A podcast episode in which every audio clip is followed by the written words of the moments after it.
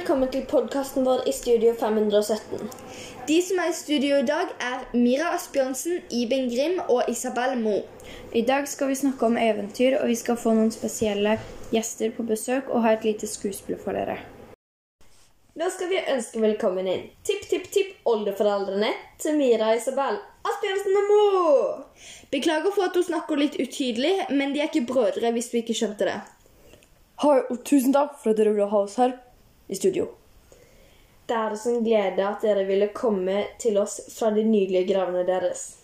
Det var litt trangt der nede, så det er deilig å komme opp og strekke litt på beina.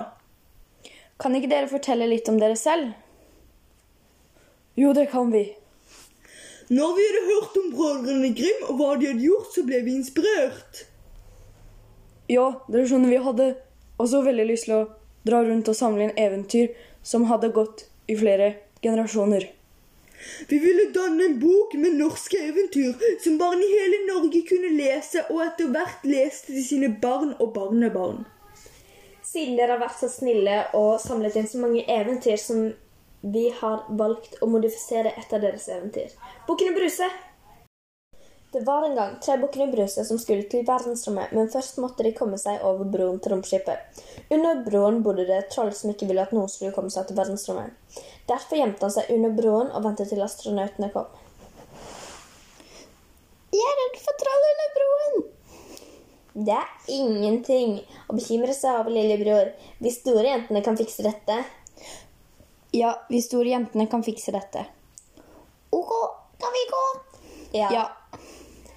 Så gikk de over broen. Den minste bukken i bruset gikk først. Hvem er det som tramper på min bro?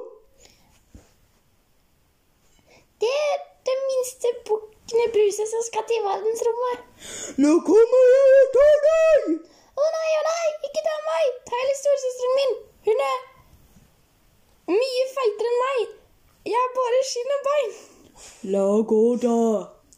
Så gikk den minste bukken i Bruse over broen og inn i verdensrommet. Litt etter kom den mellomste bukken i Bruse.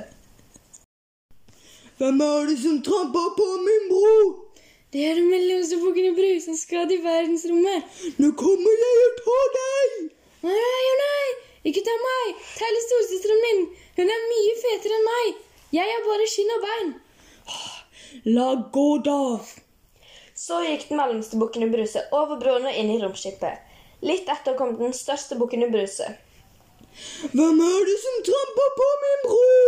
Det er den største bukken i Bruse som skal til verdensrommet. Nå kommer jeg og tar deg! Ja, bare kom, du. Jeg har svart belte i karate, så jeg skal knuse alle beina i kroppen din og sende deg tilbake dit du kom fra. Å nei!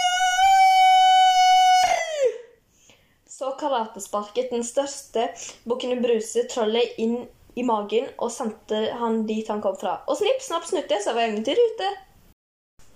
Det var et veldig fint eventyr. Men ikke bedre enn vårt. Så så, Mo. Ikke vær frekk heller.